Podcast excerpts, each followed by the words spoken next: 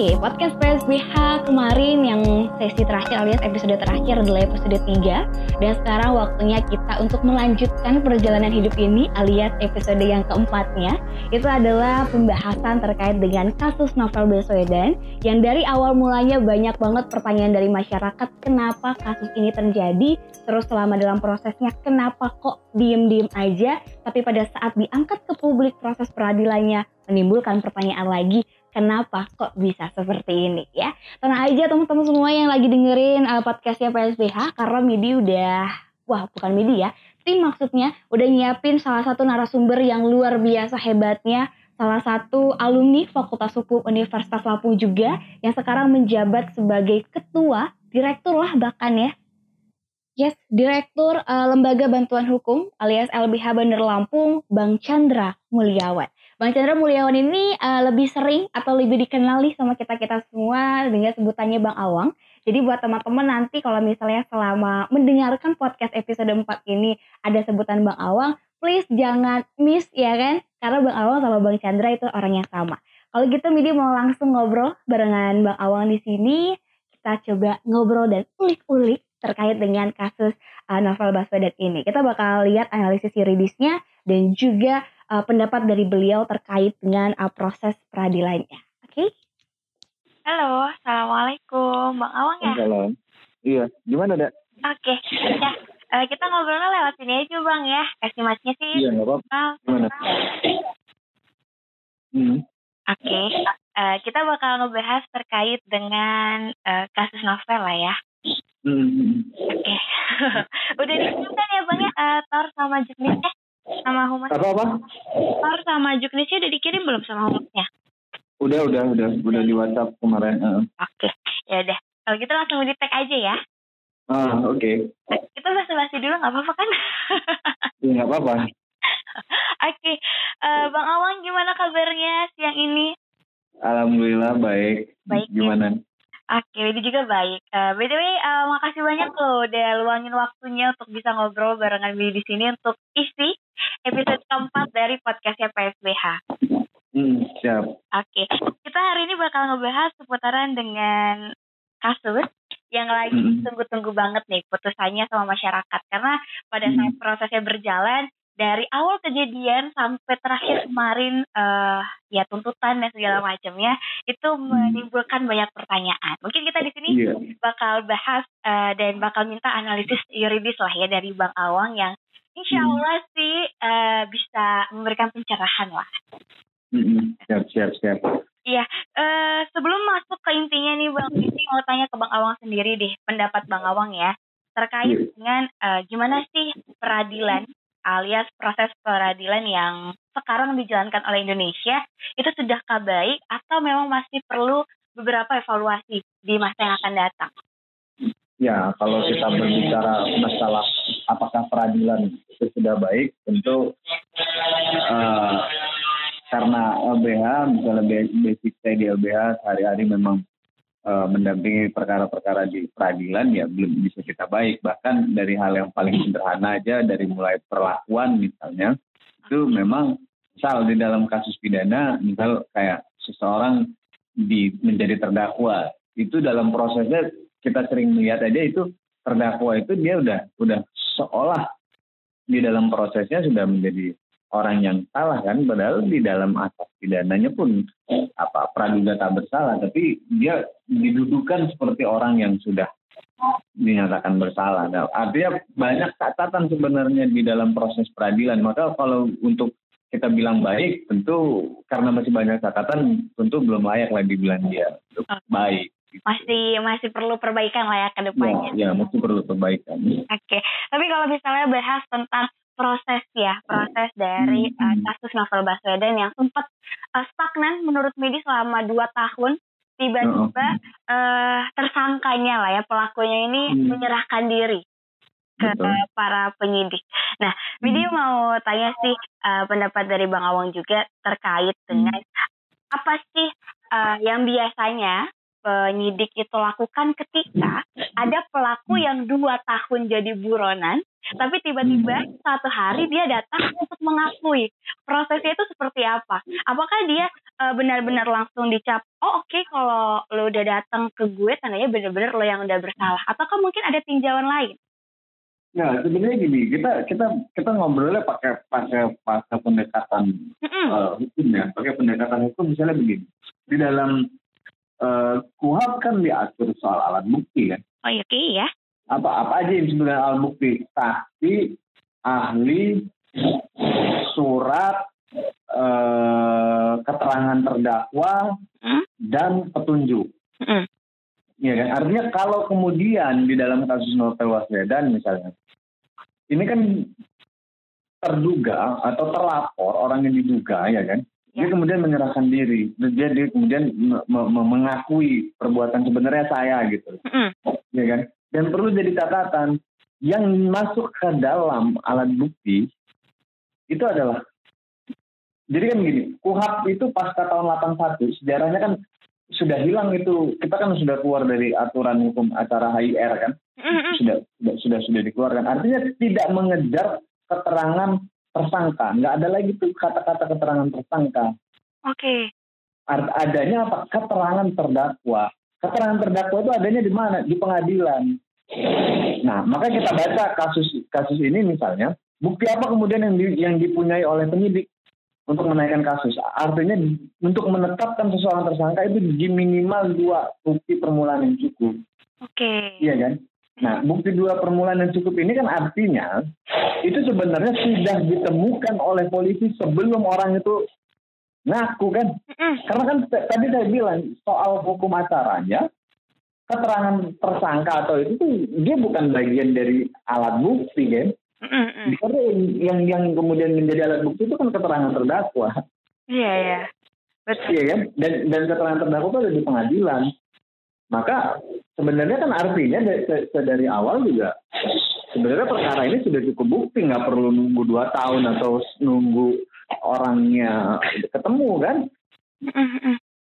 Nah ini ini ini kemudian yang menjadi apa catatan-catatan terhadap kasus uh, penegakan penegakan kasus korban novel, novel Baswedan dan Oke, tapi kalau misalnya dari penyidik kan pasti dibuat uh, berkas perkara ya, bang ya. Seperti ya. biasa kan sebelum dilimpahkan kepada hmm, jaksa hmm, yang nantinya hmm. jaksa membuat dakwaan sesuai dengan berkas perkara, ya. benar nggak? Betul. Betul ya. Uh, apakah nanti ketika berkas perkara itu sudah dipegang oleh jaksa nih uh, dalam membuat dakwaannya, jaksa ini menyelidik lagi nggak sih bang? Atau hanya terima berkas perkara aja? Apa yang ada di berkas perkara ya udah itu yang uh, jaksa terima dan nggak bisa diluaskan lagi deh oleh jaksa.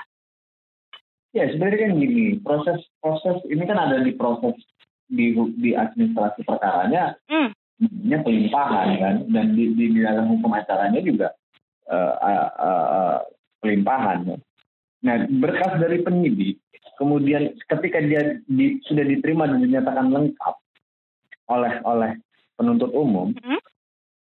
itu penuntut segera menyiapkan rencana dakwaan. Oke. Okay. Kan dia sebelum jadi dakwaan itu kan dia bikin rendak dulu, ya kan rencana dakwaan dulu, dan kemudian digelar perkara, kemudian dibikinlah dakwaan. Yang kemudian dakwaan itu paling lambat seminggu sebelum peradilan dimulai, itu terdakwa udah dikasihkan. Uh, di, dikasihkan uh, dakwaannya bahwa kemudian di agenda pembacaan dakwaan ditanya dia sudah mengerti atau tidak dia sudah mengerti dia bisa langsung jawab kan nah kalau pertanyaannya uh, di soal apakah penuntut umum uh, bisa melakukan pada saat perlimpahan masih bisa memeriksa atau me me melengkapi bukti-bukti dan bisa bisa saja. Atau dia atau memang dari awal ada caranya begini secara hukum formal kan begini. Ketika memang tidak tidak tidak layak untuk dinaikkan, justru jaksa bikin bikin petunjuk kan, P19 dia bikin petunjuk apa-apa yang harus dilengkapi, ya kan? Kalau dianggap sudah lengkap, maka kalau memang kemudian dia sudah menyatakan lengkap dan ternyata dia masih uh, penuntut masih merasa ini masih perlu memeriksa saksi, itu diperbolehkan. Okay. Dia meriksa saksi. Mm -hmm misalnya saksi yang sudah diajukan di dalam berkas perkara misalnya kan, dia bisa nggak bisa mem mem mem meminta keterangan tambahan bisa saja nanti kan dia dipanggil lagi sebagai saksi dibikinin di di di di di, di apa kalau misalnya di ininya kan dia disumpah dan di, diambil keterangannya dan itu bisa saja Oke, berarti memang Jadi, uh, jaksa itu punya punya wenang, wenang lah ya untuk melengkapi berkas perkara yang mungkin menurut uh, jaksa perlu dilengkapi. Bisa, secara secara kelembagaan dia bisa. Bahkan bahkan di, di, di, di dalam praktek sehari ini kita sering juga gitu, jasa periksa lagi tuh saksinya okay. untuk melengkapi berkasnya. Walaupun dia sendiri sudah nyatakan berkasnya lengkap. Oke oke. Okay, okay. Tapi kalau misalnya jaksa ya sendiri nih bang, uh, yang hmm. tidak memeriksa saksi, yang dibilangnya sih dalam kasus novel ini kan saksi kuncinya itu tidak dihadirkan dalam persidangan ya, bahkan yeah, tidak tidak dimuat dalam berkas-berkas yang ada atau dalam proses peradilan. Hmm. Nah, ini uh, menurut Bang Awan gimana nih?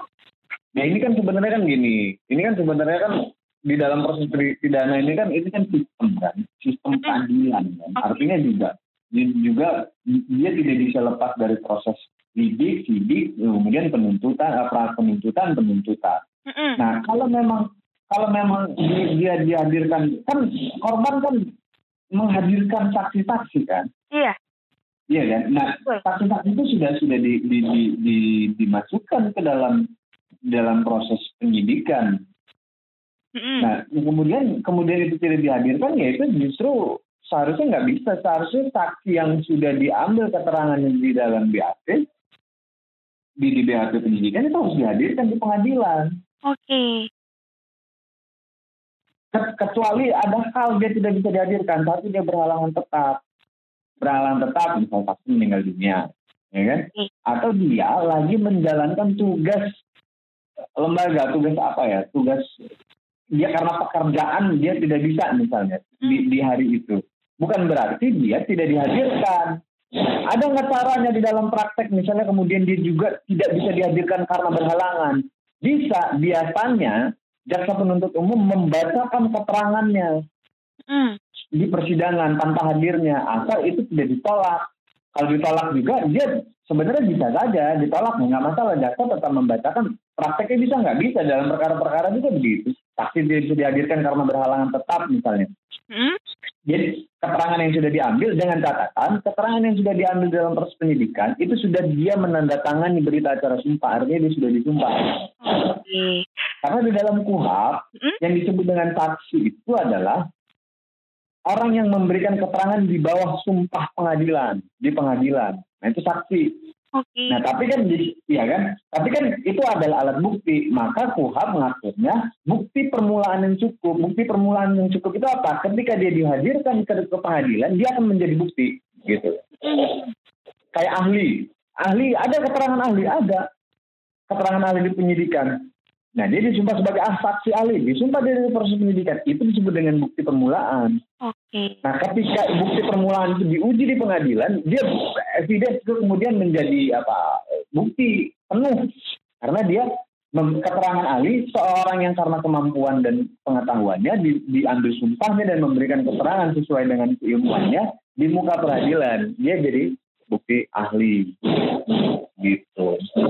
Tapi di kasus novel ini sendiri ya bang ya uh, karena hmm. dirasa novel ini uh, dinilai ya jaksa hmm. menurut novel nih uh, jaksa hmm. itu tidak pro lah pada korban uh, jaksa hmm. bahkan uh, air keras yang novel Baswedan hmm. katakan uh, dia diserang menggunakan air keras tapi jaksa hmm. menggantinya dengan air aki katanya kayak gitu yeah. nah apakah uh, dari kasus ini nggak ada pembicaraan khusus dari novel ke jaksa sedangkan kalau misalnya dalam proses seperti biasanya tahu midi nih ya biasanya korban hmm. tuh akan diajak ngobrol dulu kan sama jaksa terkait dengan kasus yang dia alami Iya, dia dia punya hak. Korban hmm. punya hak untuk diberitahukan bagaimana perkembangan kasusnya.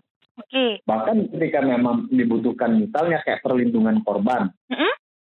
Atau misalnya menggabungkan, misalnya kan ini novel ini mengalami kerugian kan? Betul iya kan? Pengobatan dan seterusnya. Kemudian kemudian di dalam kuhab kan diperkatakan bukan dari rugi di dalam proses pidana. Okay. dan kalau diwakili oleh jaksa kan?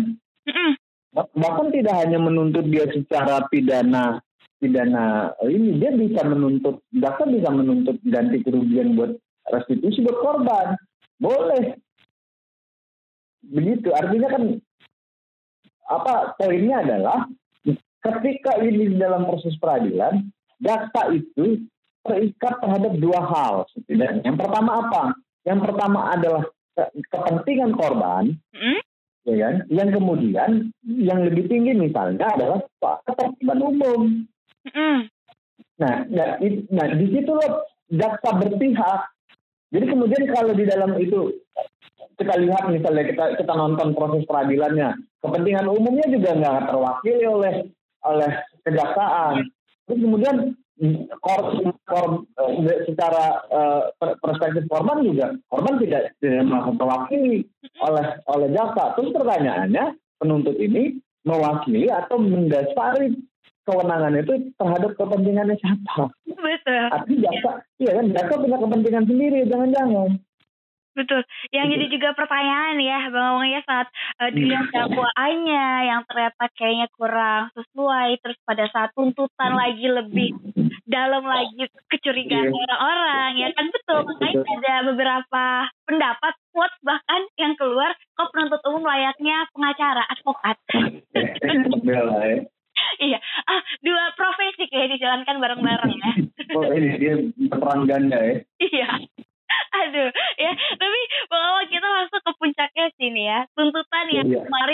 Banget jadi wah sorotan habis-habisan sih.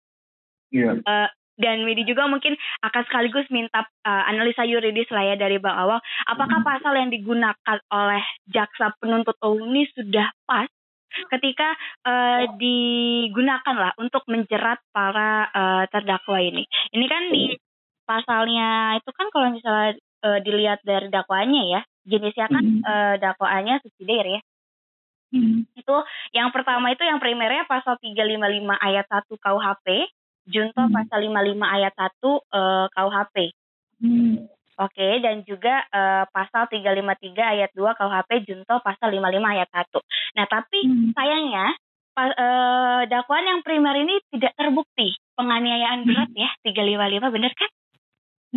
Iya, padahal uh, novel sendiri sudah membawa bukti-bukti kalau misalnya dia ini mengalami penganiayaan berat, tapi kenapa nggak bisa terbukti di pengadilan tuh jadi pertanyaan besar sih. Mungkin sih mau minta analisis juridis aja deh dari Bang Awang terkait dengan dakwaan, tuntutan yang akhirnya dituntut hanya satu tahun penjara. Nah, ini gini, ya oke, okay. secara secara substansial norma ya mm tentang tentang tentang uh, penggunaan pasal di dalam uh, dakwaan yang kemudian di, di, direkusitorkan dituntut uh, oleh penuntut ya. Okay. Jadi ini kekerasan uh, apa penganiayaan yang mengakibatkan luka berat misalnya kan, hmm? lima tuh dia mengalami penganiayaan berat ya kan. Yeah. Nah bedanya dengan 355 itu kan dia per, penganiayaan yang didahulukan dengan perencanaan. Iya. Yeah. Nah dan dan kita lihat ini kan kayak komedi. Kenapa dia bilang kayak komedi? Kemudian pernyataan di luar persidangan, di luar persidangan nih kita kita dengarnya kan, hmm itu penuntut bilang begini, itu nggak ada niat, tapi pasal yang didakwaan itu perencanaan. Betul. Nah ini kan ini kan kita jadi jadi apa itu? Jadi kayak komedi. Kita lihat pasal yang dituntutkan itu perencana ada unsur perencanaannya, hmm. tapi dia nggak punya niat. Gimana orang nggak punya niat? Dia nggak sengaja, maksudnya dia nggak sengaja kan? Itu kan sengaja tidak sengaja itu kan dia berbicara masalah niat kan? Hmm. Dia kemudian berbicara masalah apakah karena kelalaian, apakah karena kesengajaan. Gitu. Betul. Iya kan? Nah kita lihat di sini kontradiktif. Ini kan maka maka jadi jadi jadi jadi perhatian publik dan bahkan cenderung mengarah kepada mengolok-olok kan iya. jadi kita lihat nih tontonan apa yang disuguhkan pasal yang dituntutkan itu perencanaan tapi dia bilang nggak sengaja. Ya kan itu ya yang kemudian berujung pada tuntutan satu tahun. Oke. Okay. ya kan? Dan, dan kemudian kalau soal tuntutan satu tahun yang kemudian kan begini. Ya dari awal juga ini sebenarnya kalau secara analisis yuridisnya itu saya yang sampaikan kan? Itu ada tidak konsistenan menuntut dengan pasal perencanaan tapi di dalam dalilnya tidak dibilang tidak sengaja gimana ngerencanain tapi nggak sengaja itu gimana apa dia dalam keadaan tidak sadar kalau orang itu tidak mampu mengerjakan sesuatu yang baik atau buruk maka berpotensi dia menjadi gila. Kalau orang gila nggak usah disidangin, bebas dia. Betul. Iya iya. Ngapain? Ngapain menyidangin? Maka kemudian secara teknis dan yang korban ini adalah penyatakan penyidik, ya, mm-hmm. ini ada jadi peradilan tetap jangan jangan nanti kita diingatkan dulu kayak kasus Tengonan Karta. Oke. Okay. Ketika diputus muncul orangnya. Sebenarnya saya. Gitu loh. Ini kan berpotensi menjadi peradilan sesat jadinya. Maka karena ada dibaca ada potensi begitu kan nggak lebih kayak saya teman dia. Iya. Jadi lebih baik daripada menghukum ini, dia juga saya nggak yakin kalau dia pelakunya. Hmm? Ya kan? Begitu juga saja. Maka masalah kita bilang begitu kan? Hmm. Karena kenapa? Karena dibaca peradilan ini peradilan mengarah kepada peradilan kita. Jangan jangan terdakwa yang dihadirkan itu adalah gugur kewajiban aja dalam proses uh, tindak pidana yang dialami oleh Novel Baswedan sudah disidangkan dan sudah berkekuatan hukum. Artinya gugur kewajiban proses pencarian keadilan bagi korban bagi dan proses penegakan hukum. Jadi gugur aja tuh. Sementara itu kita ingat benar karena kasus Tongon Enkarta itu yang merubah salah satu faktor yang merubah soal bisa peninjauan kembali yang diakomodir dalam Tuhan. Oke. Okay tahun 80-an itu kan jadi tonggaknya tuh Indonesia salah satu punya Tuhan. Karena kenapa? Memberikan fasilitas untuk sangat dan karta keluar hmm? dari pengadilan dari dari dari tahanan dari dari dari dari tahanan masyarakat kenapa kalau di negara? Karena dulu bukan negara istilahnya sekarang udah pakai banyak kemasyarakatan. Nah, ini yang yang kemudian secara historis jangan sampai ada yang karta di 2020 itu memalukan kan betul. Wah kalau saya dari alasan-alasan jaksa ya ketika hmm. dipertanyakan kenapa satu tahun pertama tidak ada niat tidak sengaja hmm. dibilang ya benar tidak konsisten padahal pasal yang dikenakan bukan dikenakan ya pak itu ternyata perencanaan iya pantas tidak terbukti kali ya makanya terbukti ya, ya. iya kan artinya kan ada potensi mengarah kepada peradilan sesat. Mm -mm. Kalau memang mengarah ke seperti itu, bebaskan lagi seorang kan? Iya, betul ya. ya. Kata ya, dia, tahu sendiri, bebasin aja udah. Ini bebasin aja udah. Memang memang memang di Republik ini tidak ada keseriusan negara. Mm. Uh, terhadap uh, pemenuhan hak asasi manusia korban dan lebih khusus penegakan hukum yang berkeadilan berkepastian dan punya manfaat. Jadi nggak ada lagi tuh ini soal ini kan potret buruk peradilan kan. Iya.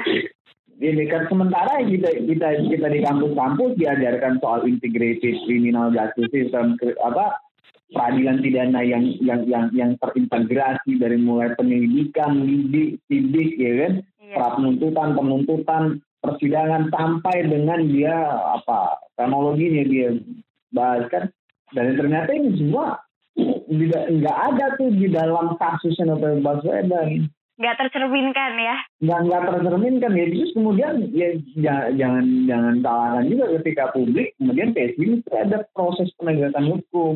Mm betul. Karena memang langsung banyak juga sorotan dari publik yang menjudgment lah ya yang menilai kalau misalnya wah proses peradilan di Indonesia ini udah nggak bisa dipercaya lagi lah. Karena dari mata masyarakat umum pun yang awam terhadap hukum lah ya kita bilang itu merasa ini kok janggal banget tapi tetap bisa mereka nyantai-nyantai aja itu memang hebat banget sih ya. Iya. Yang kemudian kan jadi gini loh, yang kemudian kan misalnya mm. efek buruknya misalnya begini, itu kan sampai sampai penuntut umumnya dibully dan di apa tuh dihardi kan sampai sedemikian rupa kan. Iya. Sementara di dalam proses uh, peradilannya, okay. itu tuntutan itu bukan jaksa yang menentukan. Oke. Okay. Tuntutan itu siapa yang buat? Kan ada rentut namanya, rencana tuntutan. Rencana tuntutan yang buat apa? Dia berjenjang. Oke. Okay. Iya kan? Kan penuntutan itu yang datangkan kan kepala kejaksaan. Hmm. Bisa nggak dilimpahin? Bisa saja. Di mana? Kalau secara kelembagaan misalnya kasih penuntutan. Oke. Okay. Secara institusional kejaksaan. Nah ini kemudian yang disasar jaksanya itu kasihan juga tuh jaksanya tuh Iya. jaksa yang menyidangkan itu gitu loh. Dia, jadi jadi jadi yang kemudian dia kehidupan pribadinya terbongkar, di, di, diungkap macam-macam itu kan dia kasihan juga. Terus kemudian saya sebagai salah satu alumni Fakultas Hukum Unila juga, wah ini sampai Fakultas Hukum Unila dibawa-bawa gitu. Iya.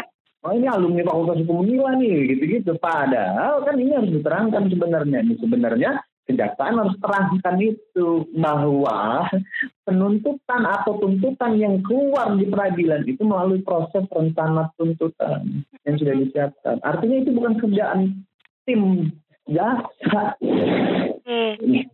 Nah makanya ini semua dibaca. Ini makanya tadi. Iya, makanya ini sudah dibaca kan sama-sama sama kawan-kawan uh, penggiat atau pem- pemantau peradilan, penggiat hukum gitu loh, mahasiswa hukum, Mm-mm. iya pakar gitu loh. Jadi ini mengarah kepada peradilan sesat. Oke. Oke. Wow, luar biasa ya. Ternyata memang mungkin uh, bisa dipertanyakan menjadi uh, ya. Dan emang benar karena salah satu advokat ya dari uh, Pak Novelnya sendiri pun sempat bilang, media sempat lihat di beberapa media, dia bilang katanya kenapa hanya terfokus kepada JPU-nya saja. Sedangkan Iya. ya, lebih dipertanyakan tuh di tahap penyidikan kenapa memutus memutuskan dua pelaku itu sebagai tersangkanya dengan alasan yang Iya, dirasa betul, tidak cukup kuat menetapkan sebagai tersangka. Kasihan juga. betul. makanya kan makanya kemudian sampai kayak ada apa satire dari kawan-kawan yang terdakwa poli kepolisian, yang yang meriksa penyidikan kepolisian, yang pembela terdakwa di di, di pengadilan kepolisian. Ini perannya ganda. Kan ganda lagi berapa? Mm-mm. Ya itu itu juga kemudian kemudian jadi satire ini sebenarnya apa yang di, yang dipertontonkan proses ini. Tapi eh, sempat eh, apa ya eh, tersebar juga lah informasi selain tidak sengaja tidak ada niat dari pelaku eh, mereka ini eh, diringankan tuntutannya dikarenakan sebagai anggota Polri. Ya. Hmm. Oke, jadi Hmm. aku tanya deh ke Bang Awang, eh, apakah memang apabila eh, seseorang lah ya, atau mungkin kita bisa bilang aja pelaku yang sudah melakukan kejahatan Hmm. karena dia bekerja di kelembagaan, ya contohnya kayak Polri atau TNI segala macam, Hmm. itu memang eh, bisa diringankan tuntutannya. itu itu lebih konyol lagi itu untuk untuk meringankan itu jadi begini kalau ininya yuridisnya begini bahkan bahkan ya jika memang tindakan itu diangkat jabatan atau kewenangan Oke, bahkan dia tidak bisa dipidana. Oke, misal eksekutor terhadap hukuman pidana mati. Nggak bisa dipidana itu nembaknya bukan pembunuhan itu. Karena menjalankan perintah jabatan menjalankan kewenangan dia. Mm, ya kan? Itu nggak bisa di- di- jadi karena jadi kalau tadi di, di- apa yang kemudian poin-poin saya terhadap itunya ya ini kan dia bukan menjalankan tugas profesi dia. Mm, ya apa apa memang yang, yang dipertimbangkan kalau dia akan menjalankan profesinya? Apa? Me- melukai seseorang? Apakah itu yang tindakan yang dibenarkan oleh ini? Kan tidak. Artinya kalau dia jadi gini kalau dia ada faktor dasar pertimbang eh, eh, ini kita belum bicara pertimbangan. Misalnya salah satu eh, landasan misalnya kenapa dia disebut ringan karena dia anggota polisi. Ini, ini kan menunjukkan apa ada gitu mm, Ya jadi sebenarnya kalau yang untuk karena Pak meringankan seharusnya bukan diringankan justru diperberat. Karena dia penegak hukum.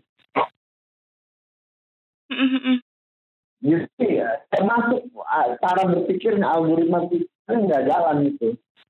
Kecuali kan saya bilang tadi, kalau dia memang menjalankan perintah jabatan, bahkan dia bukan dengan bisa dipidana. betul. Ya, tapi kan ini bukan menjalankan bukan menjalankan perintah jabatan, misalnya yang kewenangannya. Mm, Ya, ya, seharusnya faktor itu yang menjadi dasar pikir untuk menuntut seberat-beratnya. Bukan seringan-ringannya ya. Iya, bukan malah meringankan. Ya, mau, diringankan apa yang mau diringankan orang dia menyandang predikat hukum kok. Betul. Uh, mungkin bisa dibilang dia juga mencederai lah ya. Uh, ya. Citra Polri itu sendiri sebenarnya. Iya, mencederai. Iya, ya, ya, betul. Mencederai bahkan dia berpotensi untuk melecehkan kan. Hmm. Oke, sampai muncul juga nih Bang Awang uh, sempat kan uh, katanya dia anggota Polri, uh, makanya dia diringankan. Tapi langsung muncullah beberapa komparisi dari masyarakat. Uh-uh. komparasi, komparasi ya dari masyarakat hmm. terkait dengan beberapa kasus sebenarnya. Yang yeah. pertama itu ada kasus yang terjadi tahun 2018, tuan. Yeah. Hmm. Ini penyiraman hmm. air keras lah ya, yang dilakukan yeah. oleh Ruslam terhadap istri hmm.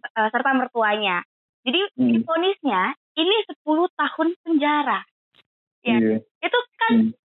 apa ya? Bedanya jauh banget ya. Beda 9 tahun, 9 tahun tuh anak SD udah langsung bisa nulis iya kan beda banget iya betul betul yang terakhir nah, juga hmm, yang hmm.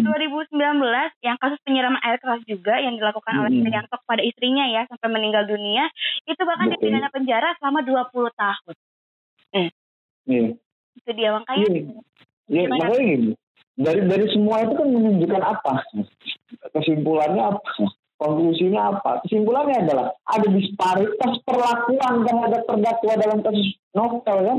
Iya. Ini kan ada disparitas perlakuan. Artinya ada perlakuan istimewa terhadap itu terdakwa dalam kasus novel Baswedan. Kalau melihat beberapa jurisprudensi ya, walaupun di dalam sistem hukum Indonesia juga hakim tidak terikat dengan putusan hakim terdahulu. Hmm. Iya kan? Tapi kan itu kalau dia disparitasnya terlalu tinggi seperti itu ya kita wajar aja kita bilang ini akrobat apa yang dimainkan ya kan disparitas apa atau memang kekhususan apa itu terdakwa hmm.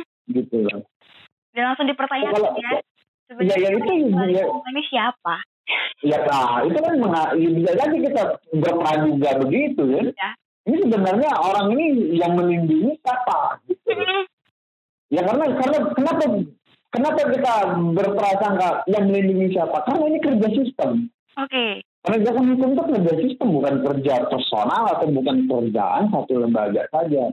Dari mulai kepolisian, kejaksaan, kehakiman nanti di lihat nih putusan di, di dalam pidana kita lihat nanti nih jalan pidana kan ada fasilitas ultra petita ya. di dalam ini boleh kan?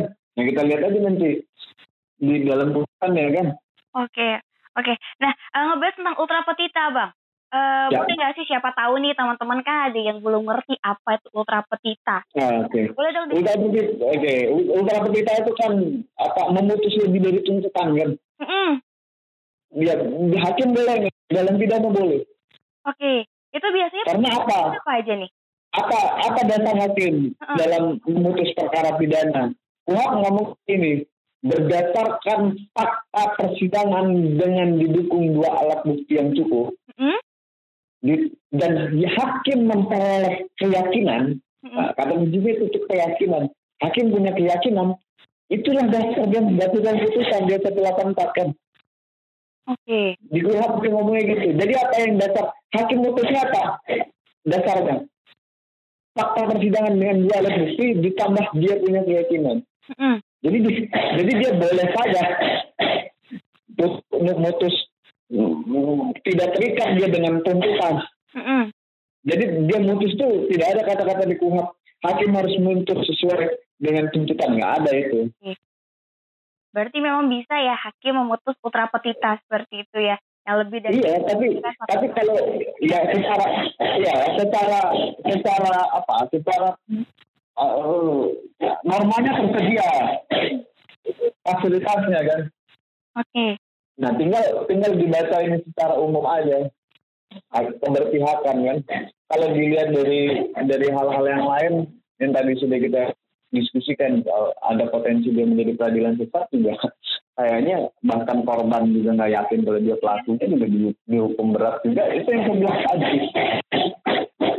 Itu kasihan malah. Iya, ya, ya, ya justru kasihan lebih lebih kasihan lagi terhadap novel Wasya dan dia iya. kalau dia kayak gini dia menjadi kali-kali kan. Kalau saya bilang dia jadi korban tapi dia adalah korban terhadap tindakan kekerasan tubuhnya cacat. Oke. Okay. yang kedua dia akan menjadi korban dari peradilan yang buruk Mm -mm. iya kan Iya. dan dia, dia, dia artinya dia, ber- dia jadi korban terus deh Iya. dan juga dia dia menjadi dia menjadi korban sejarah penegakan hukum yang kemudian nanti ke masa depannya itu akan menjadi catatan buruk dia akan menjadi dia adalah korban perlakuan dari proses penegakan hukum jadi dia menjadi korban berkali-kali Hmm? Oke. Tapi kalau misalnya eh eh, Pak No- eh, Pak Novel Baswedan juga kan sebagai ini ya aparat eh, negara. Kalau Iya. nggak salah juga eh, sempat beberapa informasi yang ini dapat. Kalau misalnya aparat negara itu diserang, justru yang Hmm. pelakunya juga dapat pemberatan. seharusnya Iya, saya bilang tadi Iya. iya ya, contohnya aja menghalang misalnya itu terkait dengan perkara Mm-mm. itu kan menghalang-halangi penegakan hukum kan itu peristiwa sendiri Oke. dan itu diperberat kan lihat aja tuh kasus apa pengacaranya ketua DPR itu Setia Novanto kan dia kena obstruction of justice kan Iya. Iya, iya, iya kan gitu. Dia menghalangi proses. Apalagi kalau ini kejadiannya ada hubungannya dengan proses penegakan hukum. Tapi kan dari dari informasi yang tersedia juga itu karena motifnya dendam karena kasus lama gitu gitu. Ya itu itu itu sisi lain ya. Iya. Itu yang eh, sekarang lagi coba dimunculkan lagi ya isu-isu lama yang coba disambungkan, yang coba dihubungkan Ya. sama proses peradilan eh, Pak Novel sekarang. Bahkan kasihannya sih ada pemberitaan katanya ini hukum karma dari Pak Novel. Ya itu malah aneh itu. itu aneh banget ya. Itu jadi jadi jadi tidak terukur kita berbicara soal ini karma karena perbuatan seseorang ya kita bukan Tuhan buat orang lain ya Yang enggak enggak jadi jadi absurd dia Ya Tuhan ya. Iya itu udah jadi absurd di, kalau diskusinya ke wilayah itu jadi Iya. jadi nggak ada ukurannya. Iya, udah udah ukurannya bukan di dunia lagi. Udah Iya itu ya ya maksudnya maksudnya ya, bukan bukan bukan saya itu mengesampingkan itu ya itu penting tapi kan tidak tidak ya kemudian secara secara mungkin secara kita punya keyakinan ya akhirnya bergantungnya pada keyakinan mungkin keadilan itu di dunia. Tapi kan itu serta adalah ungkapan oh, seseorang yang patah kan. Iya, ya artinya dia sudah melampaui proses itu akhirnya dia pesimis pesimistisnya menyatakan ya sudah mungkin ya tapi kan itu maksudnya tidak tidak untuk dibicarakan dalam proses penegakan hukum yang terukur. Mm-mm. Betul betul. gitu. Oke, Bidi punya, Bidi eh, mau punya satu pertanyaan lagi bang terkait dengan Iya. eh, tuntutan dia, Eh, mungkin dari Hmm. dakwaan serta tuntutan. Eh, mungkin dakwaan aja dia lebih enak ya. Kan yang Hmm. tuntutan itu kan pasal 35 sama pasal 353 ya. Hmm. iya. Hmm. Kenapa sih pasal yang dimaksud eh, yang dimasukin sama jaksa ini menurut pandangan Bang Awang sendiri itu adalah penganiayaan eh, berat? Apakah eh, bisa dimasukin kalau misalnya itu dimasukin pasal 340 tentang pembunuhan berencana? Bisa, bisa, bisa. Tapi kemudian dia percobaan kan Ah, betul. percobaan. Dia hobi apa apa itu percobaan istilahnya itu. Dia pakai percobaan. Mm-mm. ya bisa saja. Ya kalau kita mau mengkritisi dakwaan kenapa dia pakai alternatif? Iya, kalau dia memang mau pakai alternatif dialternatifkan saja berapa banyak. Iya, betul, ya kan primer subsidiar lebih subsidiar gitu gitu kan nggak masalah. Betul. ya kalau memang ini ya itu tadi yang saya bilang ini kan soal keberpihakan. Itu yang tadi kita bahas soal sebenarnya legal standing jaksa itu dia mewakili siapa? Itu pertanyaan. Karena dengan dengan kewenangan dia miliki seharusnya dia bisa maksimalkan itu. Iya, bahkan dia bisa dia bisa dia bisa dia bisa lebih atraktif kan iya, di dalam dia bisa dia bisa dia bisa lapis eh ini, apa dakwaan menghadap misalnya dia punya ini kan bisa dia bisa kasih pasal yang perencanaan ya kan perencanaan pembunuhan ya tapi gagal gitu loh misalnya tapi itu percobaan mengarah ke percobaan iya, dan juga dia ini dan biasanya saya, saya, saya dari dalam beberapa praktek biasanya tiga lima penganiayaan atau penganiayaan atau berat gitu yang lebih yang dilakukan oleh eh, orang. Eh, lebih dari satu biasanya lah- biasanya ya di dalam eh, ini biasanya dilatih misalnya uh, pengerusakan apa pengeroyokan pasal 170 itu kan enggak seharusnya bisa lebih atraktif sih. jadi bisa lebih lebih apa ya lebih responsif lebih dalam gitu. Ini kan misalnya kayak 170 itu juga kan pidana berat kan ya cuma kan mungkin oh apa perannya beda-beda maka dia pakai tidak di 170-nya tapi pakai lima-limanya yeah. turut serta karena pelakunya tidak tunggal. Tapi kan bisa saja dilatih 170 misalnya gitu. Oke. Okay. Berdakwaan itu. Jadi sebenarnya sarananya banyak secara normatif. Tinggal adalah soal keberpihakan. Mm -mm. Ya kan soal keberpihakan yeah. terhadap proses penegakan hukum ini. Apakah benar penegakan hukum ini adalah kita berbicara masalah keadilan keadilan substansial ya, bukan keadilan yang formal hanya sekedar gugur disidangkan ya tapi keadilan substansial gitu. Oke, tapi uh, dari proses peradilannya kemarin kan bahkan uh, sempat uh, Pak Novel ini bang bawa alat bukti hmm. sendiri karena memang hmm. uh, dia mungkin kurang percaya lah dengan alat bukti yang dihadirkan oleh jaksa ya. Hmm. Dia membawa alat bukti sendiri. Apakah apakah semua yang dibawa oleh Novel ini bisa menjadi pertimbangan hakim dalam memutus perkara ini? Bisa. Apa pintu masuknya? Kalau kalau kalau menurut saya bisa. Apa pintu masuknya? Pintu masuknya adalah misalnya kan di dalam di dalam gini di dalam di dalam hukum acara misalnya gini. Mm-hmm. Ini kan sebenarnya bisa saja kan keberpihakan itu kalau memang ada kepada korban misalnya gini. Di dalam kuhap itu kan saksi yang pertama kali harus dilakukan uh, adalah diperiksa sebagai saksi adalah kor, apa saksi korban yang menjadi saksi gitu saksi korban dihadirkan ya dan dan di dalam keterangan saksi korban itu dia bisa melengkapi bukti-bukti dia itu dia bisa ajukan ke di di peradilan gitu. Eh, dia bisa pakai fasilitas itu atau fasilitas lain dia support ke jaksa untuk untuk untuk melakukan proses pembuktian karena yang yang dibebani pembuktian di dalam proses peradilan itu kan jaksa sebenarnya. Oke, betul betul. Wow, seru ya. Uh, karena kalau nggak salah sebentar lagi bang pembacaan putusannya. Iya. Yeah. Iya. Tapi kalau misalnya uh, uh, misalnya nih ya, seandainya korban tidak tidak terima dengan putusan peradilan yang sekarang dari pengadilan yang hmm. sekarang, dia ingin mengajukan banding nih. Nah, hmm. itu harus ikut serta jaksanya juga atau dia bisa perseorangan? Nggak bisa dia. Secara hukum formal yang harus menyatakan banding itu adalah jaksa mm-hmm. atau terdakwa melalui, melalui kuasa hukumnya. Oke. Okay. Jadi kan itu yang saya bilang legal standing biasa itu adalah dia menjalankan fungsi dua terutama mewakili kepentingan korban yang lebih tinggi soal ketertiban umum. Mm-hmm. Jadi menyatakan banding itu sudah jaksa. Jadi bisa kita lihat kan dari tuntutan ringan, mm-hmm. kemudian kita kemudian putusannya juga misalnya ringan ya kan, yeah. ya bisa dilihat lah karena secara formal misalnya, secara formal apa alasan jaksa banding? Mm-hmm.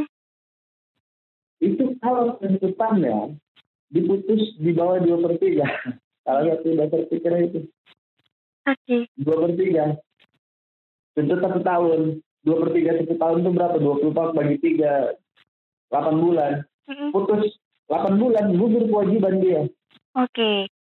Tapi kalau dia diputus di bawah 8 bulan, jaksa banding ya. Karena di putusan lebih rendah dua per tiga dari tuntutan. Hmm? Nah ini kan, makanya itu kan, ini kan sebenarnya saya bilang tadi, kalau semuanya dilihat itu, maka kenapa dia tidak bisa, tidak mau uh, tuntut jaksa tinggi-tinggi? Karena dia tahu.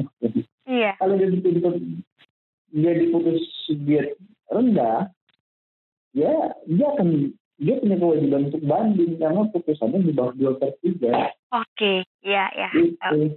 Wow, wow. Sedikit taktik yang luar biasa ya, yang akhirnya terbaca ternyata. Ya, itu kan kita baca dari proses peradilan kan. Oh, oke. Okay. Uh, eh, menurut uh, Bang Awang sendiri deh mungkin uh, terakhir ya pertanyaan dari Mimi. Ya. Karena Ultra Petita juga udah saya bahas tadi.